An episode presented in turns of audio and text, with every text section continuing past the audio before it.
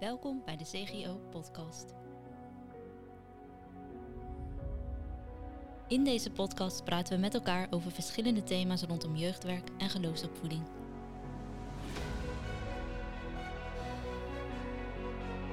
Met elke keer een nieuwe gast, leuke anekdotes en leerzame ideeën. Zo hopen we jou te bemoedigen en te inspireren. Leuk dat je luistert. Ja, zeker. Heel leuk dat je luistert naar deze tweede aflevering van de CGO-podcast. En uh, we zijn vorige keer begonnen met het jeugdwerk. En dat betekent dat we deze keer het over geloofsopvoeding gaan hebben. En dan heb ik natuurlijk twee hele leuke gasten hier in de studio bij me zitten. Die daar met mij over van gedachten gaan wisselen. Twee ervaringsdeskundigen ook, mag ik zeggen. Allereerst Casper van Helden, collega van het CGO. Welkom. Hoeveel kinderen heb jij? Twee. Twee kinderen. Kijk eens aan, hartstikke mooi. En onze gast van vandaag is Ingrid Plantiga. Uh, van het praktijkcentrum, maar dat heet geloof ik tegenwoordig nu anders, hè? Ja, officieel toerustingscentrum Gereformeerde Kerken. Zo, hele mond Hele mond vol. en hoeveel kinderen heb jij bij jou thuis? Drie. Drie kinderen. Kijk eens aan. Nou, met jullie gaan we het hebben over, ja, hoe doe je dat nou? Geloofsopvoeding thuis. En welke rol heb je daar zelf in als ouder? Nou, van harte welkom en heel tof dat jullie er zijn. Nou Ingrid, uh, om maar gelijk met jou te beginnen. Uh, jij hebt iets voor ons meegenomen. Een mooi verhaal. We beginnen altijd, we zijn toch jeugdwerkers, uh, met een soort ijsbreker of een soort iets van om eens even de boel lekker in het onderwerp te komen. En dat hebben wij genoemd... Believe it or not. Dus jij hebt een verhaal meegenomen en wij mogen gaan raden of dat verhaal nou waar is of dat je dat verzint. En aan het eind van de podcast gaan we horen wat het is. Maar ik ben heel benieuwd, Ingrid, wat is jouw verhaal? Nou, dat gaat eigenlijk even over kerkgang. Um, ik heb inmiddels twee, de oudste twee van mijn kinderen zijn tieners. En dan uh, hoor je van veel andere ouders, en ik zie het ook bij mezelf, hoe lastig het is om ze mee naar de kerk te krijgen. En toen moest ik denken aan een verhaal dat het ook eigenlijk heel anders kan. Toen wij uh, onze kinderen nog wat kleiner waren, gingen wij ook, namen wij hen meestal mee naar de middagdienst. En op een gegeven moment namen we ze mee en toen hadden we niet helemaal door dat de middagdienst net vanaf die zondag een avonddienst geworden was. Dus we stonden voor een dichte kerk. Liepen terug naar de parkeerplaats, naar de auto. En mijn dochter, die was een jaar of vier, die was boos. Boos dat ze was. En ze zegt, als ik zometeen bij de auto de dominee zie, dan moet hij zijn raampje open doen en dan spuug ik naar hem. Oké, dan moet hij zijn raampje open doen en dan spuug ik naar hem. Nou, ik ga hopen dat het waar is, want ik vind het een fantastisch verhaal, maar dat gaan we straks horen. Maar dat zegt wel iets, als ik gelijk even door mag pakken, Ingrid. Um, dat zegt wel iets over hoe kinderen soms kunnen zijn. Ja, hoe ervaar jij dat? Vind je dat vooral leuk of vind je dat eigenlijk vooral lastig? Het is, het is een groot avontuur. Er zijn uh, hele hoge hoogtepunten en hele diepe dieptepunten. Dat je denkt, help, wat doe ik? Waar ben ik mee bezig? En uh, alles daartussenin. Ja. Het gaat uh, van het een naar het ander. Zeker als je pubers hebt, dan wisselt het nog veel sneller allemaal. En welke plek neemt geloofsopvoeding in, uh, in jullie gezin? Ja, eigenlijk zit dat gewoon in allerlei gewone dingen. Dus, dus in de manier, ja, ik vind dat geloofsopvoeding zit net zo goed in hoe ik met mijn kinderen omga als het moment van Bijbel lezen, wat we aan tafel dan doen. Of uh, ja, in, in allerlei dingen. Dus de tips die je ze geeft, ook over schoolwerk, maar over van alles. En er zijn natuurlijk ook kritische mensen die zeggen, ja, maar ja, jullie hebben het makkelijker, want jouw man is uh, dominee, is voorganger. Ja. Daar, daar kleeft een bepaald vooroordeel aan. Ja, en ik ben zelf theoloog, dus ja. Ook dan, nog? Dan, dan wow. denk je inderdaad van, nou ja, dat, dat moet goed zitten daar. Maar dat, het is niet zo dat het daarmee makkelijker is voor ons. Het blijft gewoon een zoektocht om te bedenken hoe kan ik het geloof bij deze kinderen brengen en uh, hoe kan ik met hen hierover praten. En misschien juist wel als je theoloog bent, is het misschien nog wel moeilijker om te zeggen, hé, hey, ik moet afdalen naar het niveau van een kind en kijken hoe praktisch kan ik het maken. Hm. En Casper, jij bent ook bezig met ja, geloofsopvoeding, zowel privé ook met je, met je kinderen, maar ook werkmatig. Waar hou jij je vooral mee bezig op dat vlak? Op het vlak van geloofsvoeding zijn we uh, in werk gerelateerd, bedoel je? Ja. Nou, de, de, op dit moment is de, de grootste map is toch wel de website geloofinhetgezin.nl. Die we samen met het LCA en andere organisaties uh, onderhouden en voorzien van uh, ja, leuke informatie, goede informatie voor ouders. Maar er zijn diverse projecten die de afgelopen tijd lang zijn gekomen. En nou ja, voor corona was het vooral naar kerken toe gaan en daar met ouders in gesprek gaan en eh, hun eh, met elkaar in contact brengen, met ervaringen uitwisselen van joh, waar loop jij tegenaan in de opvoeding? Wat, wat, wat lukt wel bij jou op die manier? Zijn mijn ouders nou, helpen om elkaar te ondersteunen en daarbij ook een stukje wat eigen ervaring in te brengen als professional. Maar tegelijkertijd, ja, professioneel opvoeden bestaat volgens mij niet. Dus ik ben in die zin ook altijd wel bescheiden van ja, ik ben ook maar een, eh, iemand die uh, falend voorwaarts gaat, om het zo maar te zeggen. En ik heb er wat over nagedacht en de, de theorie zegt dit, maar de praktijk die leert soms heel wat anders. Uh, ja. Die is weer barstig. Ja, ja. En jij bent uh, Ingrid ook werkmatig met de geloofsopvoeding bezig. Wat is jouw drive om dat te doen? Nou, ik vind het aan de ene kant gewoon heel leuk. Het is heel boeiend om uh, geloof en alles wat daarmee te maken heeft te koppelen aan het leven van een kind. En hoe dat in gezinnen werkt. Tegelijkertijd is een andere drive ook wel dat ik zie dat, dat er heel veel onzekerheid is bij ouders. Van doe ik het wel goed en hoe moet dat dan? En, en ik verlang er echt naar om ze daar een beetje bij te helpen. Om te laten zien van joh, kijk eens wat je allemaal al doet. En kijk eens welke mogelijkheden er nog meer zijn. En waar komt dat verlangen dan vandaan? ten diepste denk ik dat dat ermee te maken heeft dat voor mij het belangrijkste godsbeeld misschien wel is dat God de ik ben er is. Dat God aanwezig is in ons dagelijks leven, in alle sores die we meemaken, in alle hoogte- en dieptepunten, al het gedoe met onze kinderen. Maar dat God zegt van ik wil daar zijn. En dat geloof ik en dat wil ik ook heel graag dat ouders dat ontdekken. Want dat gebeurt niet vanzelf of te weinig? Of? Ik denk dat ze zich daar niet altijd van bewust zijn. Dat ze te veel denken van uh, God is er als ik de Bijbel open doe, of als ik ga bidden, of als ik een diepzinnig geloofsgesprek heb met mijn kinderen. En dan kun je heel snel schuldig voelen als je misschien al een hele week die Bijbel niet open hebt gehad, omdat je kinderen zo zaten te etteren aan tafel, of dat het bidden ook maar even snel afgeraffeld werd. En dan denk je, ja, waar is God nou in ons leven? Terwijl ik het zo bemoedigend vind om te denken, ja, maar Hij is er ook juist dan. Hij is in al die kleine normale dingen die wij met onze kinderen meemaken, daar is die aanwezig, ook in jouw leven. En ook als het dus een keer niet lukt om zeg maar, voor je gevoel met God bezig te zijn. Ja, misschien wel juist dan. Dat je juist in dat soort momenten ook kan laten zien van... hé hey jongens, ik pak er ook maar niks van. En ik ben ook maar een, een, een struikelend kind aan Gods hand... die een beetje probeert door het leven te gaan.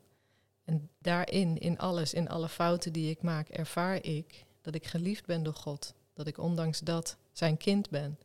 En dat is voor mij wat ik wil meegeven aan mijn kinderen. Dus misschien is het wel hoe meer ik klungel, hoe meer ik kan laten zien hoe groot God is. Ja, want dat is toch, ik hoor toch ook wel vaak dat ouders dat gevoel hebben dat ze falen op het moment dat ze niet voor hun gevoel aan bepaalde voorwaarden voldoen als op elke maaltijd Bijbel lezen, regelmatig bidden, dat soort dingen. Ja, maar stel je nou eens even andersom voor. Stel je voor dat het je wel zou lukken. dat jij zo'n ouder zou zijn die zegt: Zo, ik zit echt op de top van mijn kunnen qua geloof. Ik, ik ben een soort heilige. Je zet jezelf dan neer als een soort heilige van: Wauw, kijk eens even jongens. Zo is een gelovige. En dat kan dan heel mooi lijken. Je, daar kun je als andere ouder naar kijken en denken: Wow, die kan het echt.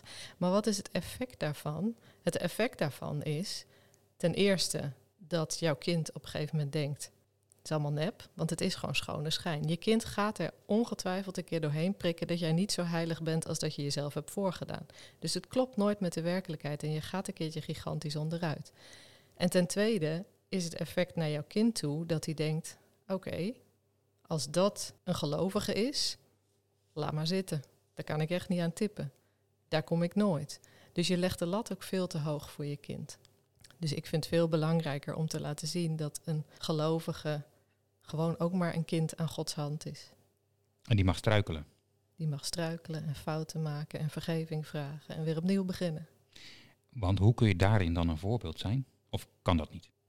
Ja, dat denk ik juist wel. Dat je ook gewoon. Stel dat je een keer gigantisch bent uitgevallen tegen je kinderen. Dat doe ik natuurlijk nooit. Hè.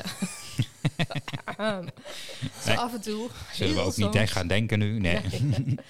Maar stel dat je uitgevallen bent tegen je kinderen en je weet gewoon, nou ja, ik had dat laatst nog, dan stond er eentje achter mij in de keuken en ik, ik draaide me om en viel tegen hem aan en ik was zo zacht. Waarom sta je daar nou net op die plek en als ik dat... Ja, kind in tranen natuurlijk. Mm. Sorry mama, dat deed ik toch niet expres. Nou, dat je dan ook, als het even gezakt is, als je rustig bent tegen je kind kan zeggen, joh, spijt me. En dat je dan aan tafel gaat bidden dat je dan ook bidt, Heer, vergeef me dat ik zo ben uitgevallen. Dat je kind ook mag zien van zo ben ik bij God. Ik maak fouten.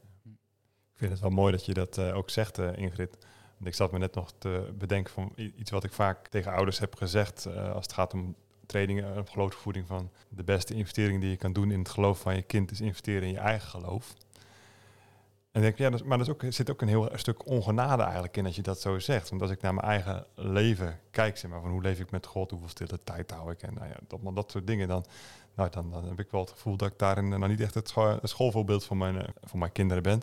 En dat vind ik ook wel mooi dat je dan eigenlijk zegt van, ja, maar ja, dat is eigenlijk ook prima. Dat is blijkbaar hoe het leven met God ook is. Maar tegelijkertijd ben ik ook alweer aan, aan het zoeken van hoe kan ik dat dan ook dan laten zien aan mijn kinderen. Aan de ene kant wil je ze ook laten zien van dat je op een bepaalde manier je leeft met God, maar, daar naar, zoekt. Zeg maar. maar aan de andere kant ook daarin je eigen worsteling delen. Hoe, moet ik dat voor me zien? Ja, ik denk inderdaad dat je daarin inkijkjes geeft in je eigen hart, in wat er leeft, in nou, je schuldgevoel of je eigen falen of eh, dat je vergeving nodig hebt. Kijk, je laat eigenlijk twee beelden zien, denk ik, aan je kind. Aan de ene kant is dat het beeld van een gelovige. En dat beeld, dat mag een beeld zijn van een struikelende gelovige, een kind aan Gods hand, iemand die genade vindt in wie die is, ondanks alles wat hij doet. En aan de andere kant laat je ook een beeld zien van wie God is. En ik denk, daar ligt de drempel voor mij dan weer hoger. Daar, Maar God struikelt toch niet? nee, precies. Dus wat ik van mezelf laat zien, dat is een struikelende gelovige. Maar wat ik van God laat zien, daarin probeer ik te laten zien, God is liefde. En dat kan ik alleen maar laten zien als ik ook mijn kinderen lief heb. Want mijn kinderen gaan op een gegeven moment het beeld van God is liefde inkleuren met wat ze van mij hebben meegemaakt. Dus als ik mijn kinderen lief heb, dan geef ik hen eigenlijk een beeld van God mee. Maar God is niet alleen liefde. Die is ook wel eens boos. Precies, God is ook heilig. Dus als ik met respect over God praat en een eerbiedige toon heb als ik bid, dan laat ik iets zien van zijn heiligheid. Of van zijn rechtvaardigheid. Of nou ja, Ja, dus eigenlijk laat je als ouders wel, eh, zet je, laat je als ouder een beeld van God zien, zeg maar. Van ik als vader eh, hoop ik zeg maar, zo te zijn als de hemelse vader. Maar tegelijkertijd laat ik als ouder ook een beeld zien van hoe een gelovige is, hoe een kind van God is, zeg maar. Dus je zit een soort van in een dubbelrol eigenlijk. Aan de ene kant laat je hopelijk het, eh, probeer je het je best te doen om het, nou ja, Gods liefde te weerspiegelen. En tegelijkertijd laat je ook iets zien van, ja, ik ben ook maar een, een mens en geen, geen God. ja. En het is ook goed om dat maar te, nee, met elkaar tegen elkaar te zeggen van eh, gelukkig eh, is, er, is er iemand die genadig voor ons is en die ons eh, aan de hand wil meenemen. Precies, en we hebben het gehad over inderdaad ouders die soms de neiging hebben om zichzelf heel heilig voor te doen. En ook de ouders die eh, juist daarin gewoon laten zien dat ze wel eens struikelen. Maar ik ken volgens mij ook wel heel veel gezinnen waar het eigenlijk nou, nou een beetje onzichtbaar is, zou ik bijna willen zeggen. Ja, en dat, dat zie ik ook. En dat vind ik eh, ja, heel jammer. Dat, het, gaat vol, het zit hem volgens mij niet in hoe vaak je Bijbel leest of bidt of dat soort dingen. Maar wel in hoe zichtbaar God en geloof is in je leven. Dus dat, dat je als ouder laat zien dat het te maken heeft met jouw eigen dagelijks leven. Dus het is natuurlijk heel moeilijk. Ik merk dat nu bijvoorbeeld in coronatijd. Dat heel veel ouders met gezinnen met tieners het heel moeilijk vinden om zelf over geloof te praten met hun kind. Hè. Er is geen, kind, of geen tienerclub in de kerk, geen vereniging en de kinderen gaan niet meer naar de kerk mee. Dus ouders hebben het gevoel, oké, dan moet ik het doen. Maar die stap om met je kind te gaan praten over geloof is heel groot. Waarom? Omdat ze dat die twaalf jaar daarvoor niet echt gedaan hebben. Dus dat is wel iets wat je volgens mij vanaf het begin moet leren om gewoon, hè, als je een heel klein kind hebt en je gaat naar de kinderboerderij, dat je zegt van, ach kijk dat schattige konijntje, wat heeft God die mooi gemaakt, hè? Dat je in de hele gewone dingen Gods naam kan noemen, dat het geloof ergens zichtbaar in wordt. En dan wordt het iets, iets van je dagelijks leven. En als je daarin, nou, daar kun je ook in groeien, denk ik, als ouder en als gezin. Want dat het steeds meer iets wordt wat geïntegreerd is. En wat, wat, wat voor ideeën zou je kunnen doen? Stel dat je zit te luisteren en je bent zo'n ouder die het heel lastig vindt om nu nog met zijn pubers het geloof ter sprake te brengen. Wat kun je doen? Gewoon doen en het heel leuk maken. Gewoon En dat, Kun je een voorbeeld geven? Nou ja, wij doen bijvoorbeeld elke zondag. eh, onze kinderen willen geen online diensten kijken, want dat vinden ze echt zoiets belachelijks. Dat, eh, dat doe je gewoon niet. online kerk zijn. Dus Ja. wij zitten elke zondag met elkaar aan tafel. En dan is het altijd dat we dan op zaterdag al lekkere dingen gaan bakken. Dat gebruiken we bij de viering. En dan hebben we een leuke stelling om over te discussiëren of zo. En we luisteren muziek, die mogen zij er zelf bij zoeken. Nou ja, dan, dan is het iets van een liedje van André Hazes wat zij erbij betrekken. Van leef alsof het je laatste dag is. Nou, dan praten we daarover en dan betrekken we een bijbeltekst bij. Maar het leuk maken door iets lekkers aan te bieden, door je samen erop voor te bereiden, door je kind misschien ook erbij te betrekken van hé, hey, wat voor bijbeltekst zou jij wel eens eventjes over willen hebben? Of dat neemt al een heleboel drempels weg. Het leuk maken. Gewoon En- gezellig. Het is goed met God. Het is genieten. Tijd samen met elkaar en tijd samen met God is genieten. En, eh, en dus sluit ook aan bij wat je, want ik denk dan tussen de regels door te begrijpen dat jouw kinderen eh, bakken en dergelijke wel leuk vinden en koken en dat soort dingen. Het opeten ook vooral. Het opeten zou ik ook, ja. maar je kunt natuurlijk ook aan heel andere dingen denken eh, als je kinderen heel andere interesses hebben. Ja, als je kinderen van drama houden of eh, van muziek maken, dat doen de mijnen dan weer niet. Maar je kan aan allerlei dingen denken. En het gaat er gewoon om dat je ergens praktisch begint en daar iets van aan koppelt wat met geloven te maken heeft. Maar begin bij waar zij zitten. Hmm. Ja. Ja, maar dat is het risico van als je zulke voorbeelden nu hoort, zeg maar, dat je denkt van, ach, maar dat, dat is niks voor mij. Of dat je misschien heel enthousiast wordt, dat vind ik heel leuk. Maar het is heel belangrijk dat je daarin bij je gezinssituatie aansluit, van bij je eigen kinderen. Van, eh, wat past bij ons? Zeg maar. wij, wij luisteren wel de online diensten. Onze kinderen, die eh, laten we dan even kleuren, om wijze van spreken. Ik weet niet of dat de beste combinatie is. Eh, en soms dan zitten ze doorheen te praten en dan zijn wij weer heel geïrriteerd. Dus het is voor elk gezin denk ik een uitdaging van hoe ben je nu kerk in deze tijd. Ik vind het heel aansprekend als ik dat van Ingrid hoort, maar tegelijkertijd voel ik me ook een soort van schuldig van ja, nou ja, pff, dan moet je ook wel heel veel bij nadenken zelf. En ik weet niet of ik dat wel, wel, wel wil. En dan, dan voel ik mezelf weer tekortschieten. Terwijl ik denk, ja, dat is helemaal niet nodig volgens mij, want ik, ik doe weer andere dingen. Wij doen weer andere dingen met onze kinderen die, die op zo'n manier weer eh, eh, christelijke opvoeding vormgeven. Ja. Nou, daar wil ik zo nog heel over horen. En eh, ik heb nog wel een paar meer vragen. Dus we gaan zo nog even doorpraten. Maar we zijn alweer halverwege. Dus eh, dan is het tijd voor... eh, De halverwege input. Hey Laura, vertel eens even. Wat vind jij dat ouders wel of niet zouden moeten doen in de geloofsopvoeding van hun kinderen? Eh, vooral niks opdringen. En niet denken dat je kind het leuk vindt of zo om uit de Bijbel te lezen, want dat vinden tieners nou eenmaal niet. En vooral als je dan iets wil doen, moet je iets doen in een leuke vorm. En niet iets wat direct met Bijbel lezen te maken heeft, maar iets wat je, een onderwerp wat je kan linken aan de Bijbel. een onderwerp link aan de Bijbel. Wie hoorden wij hier, eh, Ingrid? Dat is mijn oudste dochter, Laura, die is 15 jaar. En die is eh, lekker kritisch, zoals het eh, past bij haar leeftijd. Dus eh, gewoon Bijbel lezen, dat is gewoon echt stom. Maar als we, nou ja, bijvoorbeeld eh Valentijnsdag eh, is net geweest. Ja, dan gaan wij het bijvoorbeeld hebben met elkaar over verliefdheid en eh, over liefde. En nou, hoe zou jou je partner laten willen? Moet hij eruit zien? En wat moet hij wel doen en wat moet hij niet doen? En daar koppelen we dan eh, een aantal liefdesverhalen uit de Bijbel aan. En zo ben je dan toch bezig met geloofsopvoeding. Breng je God in het gewone leven, in hun beleving. Maar ik hoef niet te beginnen bij die Bijbelverhalen bij haar, zeg maar. Dat is wat zij aangeeft, want dat vind ik echt niet leuk. Maar is dat niet een beetje... Ik kan me voorstellen dat je zit te luisteren... en dat je daar misschien toch een beetje jeuk van krijgt.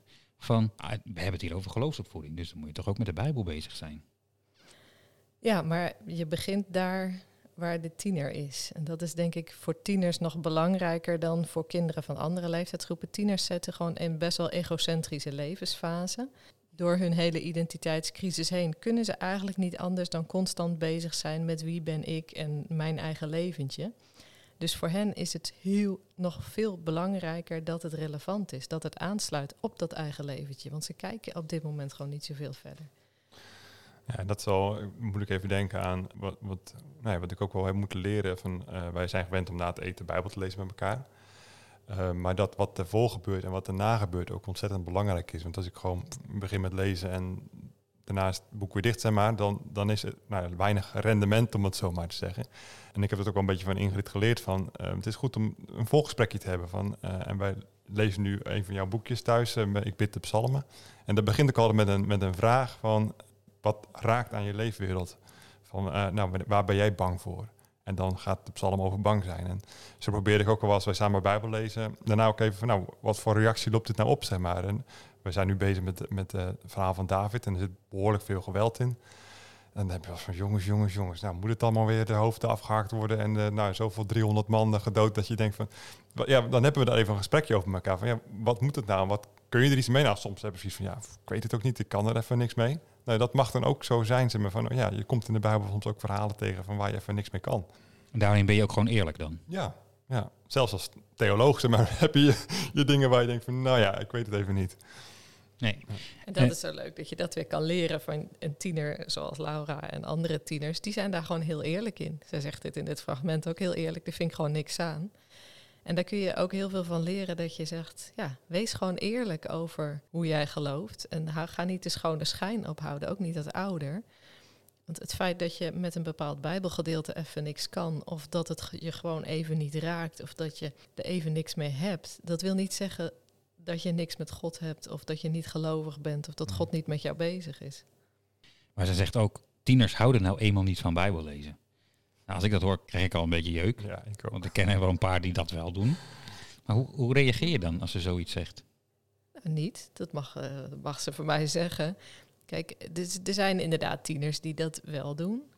Maar een heleboel tieners hebben er wel meer moeite mee. En dat heeft gewoon alles te maken met de fase van twijfel waar ze doorheen gaan. En ik vind die fase persoonlijk heel gezond. Dat je zegt van weet je, je hebt eh, twaalf jaar lang van alles van mij meegekregen. En nu mag jij zelf even afstand nemen en even er tegenaan gaan schoppen en even gaan ontdekken van nou, geloof ik dit eigenlijk echt zelf? En daarmee kan je geloof uiteindelijk alleen maar sterker worden, want dan wordt het iets van jezelf en niet iets wat je gewoon is meegegeven. Maar hebben wij dan niet van het christendom, want dat zat ik eigenlijk ook te denken toen ik u ook uh, net voor die uh, halverwege input de verhalen hoorde van, is het christendom niet een soort moed-christendom geworden? Doe je de geloofsvoering goed pas op het moment dat je regelmatig Bijbel leest, met je kind bidt voor het slapen gaan of een liedje zingt. En noem alles maar op, zeg maar. En als dat een keer niet lukt, dan noemen we onszelf struikelend. Is dat echt wel terecht? Ja, ik vind inderdaad dat we veel te veel moeten. In, in onze eigen gevoel, in de beleving, in de kerk misschien wel. Dat er, maar dat het ook veel te veel zit in dat soort aparte dingen. Ja, ik kan soms ook dat ik een paar weken lang geen stille tijd heb gehouden. En, maar dat wil niet zeggen dat ik niet met God leefde. Dat ik niet mijn momentjes met God gehad heb door de dag heen en in het gewone wat ik meemaakte. Dus ik vind inderdaad gewoon leven vanuit de rust het is goed tussen God en mij. En van daaruit, vanuit verlangen, doe je die Bijbel open en bid je. Maar doe je dat soms ook niet als het niet lukt. En daarmee verandert mijn relatie met God ten diepste niet. Ik vind het ook heel belangrijk wat voor hoe we dat als kerken doen, zeg maar. Wat voor beeld zetten we daar neer, zeg maar. Want ik denk dat de neiging toch vooral is om daar de mooie verhalen te vertellen aan elkaar. En dat eh, is, heeft natuurlijk iets moois en bemoedigings, maar dan is er ook ruimte voor twijfel binnen de kerk. En geven we iemand die twijfelt ook een podium, geven we die het woord in de kerk? Of vinden we dat allemaal maar spannend en eng en houden we dat weg? En ik, ik zie toch heel veel kerken die daarnaar neigen, dat we vooral, nou de mooie getuigenissen, die willen we dan wel horen. Maar iemand die zijn geloof verliest, nou die wordt maar stilletjes weggemoffeld, zeg maar. maar. Terwijl we daar ook juist heel veel van kunnen leren, zeg maar. En misschien ook wel goed is om onszelf een spiegel voor te houden. En tegelijkertijd ook ruimte geven aan de mensen van, oh wacht even, maar ik ben niet de enige die hier tegenaan loopt. Want anders krijgen we zoveel uh, eenzame gelovigen, om het zo maar te zeggen, binnen de, binnen de kerk. En eenzame ouders. En ik denk, ja, dat de kerk heeft daar zo'n mooie functie in om ouders daarin ook met elkaar in contact te brengen en aan elkaar te koppelen. Van ja, die verhalen uit te wisselen. Van, oh, jij loopt daar dus ook tegenaan. Oh, jij zit ook, uh, nou ja, tot uh, over je oren in de wat, omdat je gewoon die slaaploze nachten hebt. En nou, dat soort dingen is zo goed om van elkaar te weten. Ja, dat heb ik inderdaad heel vaak gemerkt. Als je met een groep ouders samenkomt, dat ze echt dat er zo'n last van hun schouders valt en dat je gewoon ze ziet ademen van, oh, jij hebt dat ook. Ik ja, dacht ja, dat ik de enige was. Jouw kind wil zondagochtend ook niet. Nee, precies. En bij jou vinden zitten ze ook te klieren tijdens het Bijbellezen. En de, om die herkenning te vinden bij elkaar en te merken, jongens, dit is heel normaal. Dit, hier kunnen we elkaar in bemoedigen. Met het eerste stukje alleen al van, oh, ik ben niet alleen. maar dan komt het erop aan, denk ik, hoe geloof je zelf? Is het jou wat waard? En dat je kinderen dat merken. Dat je toch af en toe die Bijbel wel weer pakt, omdat je er gewoon niet zonder kan, bijvoorbeeld. Ja, uiteindelijk is het liefde die overblijft, denk ik. De liefde die de kern is. En liefde, dat is wat kinderen en wat tieners proeven of je nou wel of niet wat doet. Of ze proeven of jij van hen houdt en ze proeven of jij van God houdt. En of jij je geliefd weet door God. En nou ben jij zelf ook actief bezig geweest, eh, niet alleen in je eigen gezin, maar ook om ouders daarmee te helpen. Je hebt een aantal boeken geschreven bijvoorbeeld. Ik bid de psalmen is de laatste. De laatste toch? Ja. Ik begin eens te twijfelen, want het gaat in een vrij hoog tempo. en eh, wa- wat is dat voor een boek? Ik bid de psalmen, dat is een gebedenboek, gebedendagboek, waarin dus eh, bij elke van de 150 psalmen een eh, kindergebed geschreven is. En dat wordt dan ingeleid met eerst een vraag in de leefwereld van het kind en dan een stukje, een paar regels uitleg over de psalm. En dan daarna een gebed wat je kind kan bidden of wat je samen kunt bidden.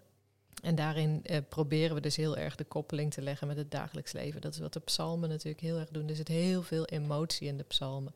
Dus dat je met die psalmen ook de boosheid van je kind een plek kan geven. Dat het kind leert van hé, hey, ik mag met mijn boosheid naar God toe. Ik kan naar God toe gaan als ik verdrietig ben, als ik me eenzaam voel of als ik echt iets te vieren heb, dan doe ik dat samen met God.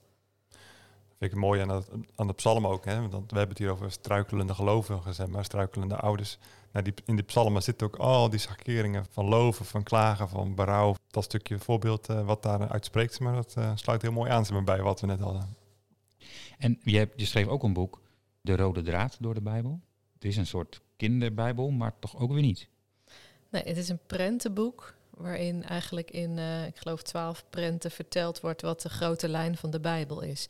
Dus om, zeg maar, later zelfstandig Bijbel te kunnen leren lezen. Dat is natuurlijk wat je graag wil, dat je kind ook zelf op een gegeven moment die Bijbel kan lezen. Maar daar heb je een soort kapstok voor nodig. Van hé, hey, wat is nou de grote lijn door de Bijbel heen en hoe kan ik die verhalen plaatsen? Nou, dit is een prentenboek wat daarbij helpt. Dus wat laat zien wat de rode draad door de Bijbel, dat is de liefde waar we het net ook over hadden. Dat God van de mens houdt, de mens uit liefde geschapen heeft. En zijn er nog meer hulpmiddelen die ouders kunnen gebruiken? Ja, plenty. plenty. Uh, we proberen er ook wel een, uh, als uh, CGO zijn een overzicht in te brengen, orde in te brengen. Dat doen we via de website gelovinhetgezin.nl. En daar kun je ook op het knopje materialen, kun je materiaal ook voor, uh, voor kerken vinden, maar ook voor, voor ouders. Dus hebben ooit eens nog, even Ingrid ook nog eens samen meegewerkt, een uh, top 5 uh, van, de, van de beste kinderbijbels. En je merkt wel dat het ook weer een uitdaging is om dat up-to-date te houden, want er, er komt elk, zoveel op de markt, dus in die zin genoeg. Maar eerder misschien voor ouders soms een, een zoektocht van wat is nou wijs. En nou, op onze website kun je daar ook wel, wordt je erin geholpen. En dan hebben we ook nog op handen. Ja, ook nog, ja. Dat is het materiaal wat we samen met Ingrid hebben geschreven. Dat is een cursus voor, uh, voor jonge ouders van kinderen van 0 tot 4 jaar. Die uh, gemeenten kunnen organiseren. Die kunnen dan door ons getraind worden. En dan hebben ze materiaal waarbij ze zelf de, de cursus kunnen geven in hun, in hun gemeente. Of met een aantal gemeenten samen. En dat kan bijvoorbeeld ook heel mooi aansluiten zeg maar, aan het dooponderwijs wat aan ouders wordt gegeven. En het zijn een vijftal bijeenkomsten. Ja, het waardevolle daarvan vind ik dus dat je die ouders samenbrengt. Dus dat Kijk, wij kunnen hier van alles vinden en dan kun je er naar luisteren en denken, oh dat is mooi of je bent het er niet mee eens. Maar je bent nog steeds alleen aan het luisteren, terwijl wij het zo super vinden als je als ouders uit één gemeente bij elkaar komt en elkaar inspireert en bemoedigt. En af en toe misschien de arm om iemand heen slaat van ja, het is echt niet makkelijk hè. Maar dat is wat we met dit materiaal ook kunnen. En het is gewoon heel tof omdat het begint bij jonge kinderen. En daar is wel de basis, denk ik, die gelegd wordt. Ingrid, we zijn bijna klaar. Uh, maar heb jij voor ons nog een. Uh... De gouden tip. Wat is nou de gouden tip als het gaat over geloofsopvoeding? Wees gewoon echt. Gewoon zoals je bent en gewoon echt in je hart laten kijken. Liefde geven. That's it. Meer is het niet. Nou, je of kunt er nog wat meer bij bedenken. Maar dit is wel de kern, denk ja, ik. dat is wel de kern. Oké. Okay. Nou, mooi. Hey, bedankt dat je hier wilde zijn, uh, Ingrid. Dat je met ons wilde delen over uh, wat je hebt meegemaakt en ervaren in de opvoeding. En ook uh, de toch wel wat moeilijkere kanten ervan, zeg maar. Casper, ook bedankt voor jouw input en wat je allemaal bracht. we zijn bijna aan het einde gekomen van deze podcast, maar we willen natuurlijk eerst nog even weten... Do you believe it or not? Was dat verhaal wat jij nou aan het begin net vertelde, nou waar gebeurd? Of heb je het hier gewoon lekker lopen verzinnen? Het is echt waar gebeurd. Ik heb het de dominee in kwestie nooit durven vertellen, maar het was echt oh, waar. Ik ben nou heel nieuwsgierig wie dat nou was. ja, misschien is het ook maar beter, want spugen, dat is misschien nou ook weer niet helemaal het voorbeeld wat je in de geloofsvoeding wil geven, denk ik zo. Oké. Nou, heel fijn. Dankjewel. Leuk dat, uh, dat jullie hier wilden zijn. Leuk dat jullie wilden meedenken met, uh, met ons. Uh, als je nou nog meer wil weten over geloofsopvoeding, kijk dan even snel op de website. Hij is al een paar keer genoemd. Geloofinhetgezin.nl. Um, daar vind je ook nog meer podcasts en andere artikelen en boeken en ideeën. ook gerubriceerd, zowel op onderwerp als op leeftijd. Um, dus ook makkelijk zoeken. En uh, je kunt ook op onze eigen website kijken, cgo.nl. Daar vind je ook nog heel veel meer informatie over allerlei jeugdwerk gerelateerde onderwerpen. Nou, jullie bedankt dat jullie hier waren. En u als luisteraar ook bedankt. Fijn dat je er was. En luisterde naar deze podcast. En graag tot de volgende keer. Hoi!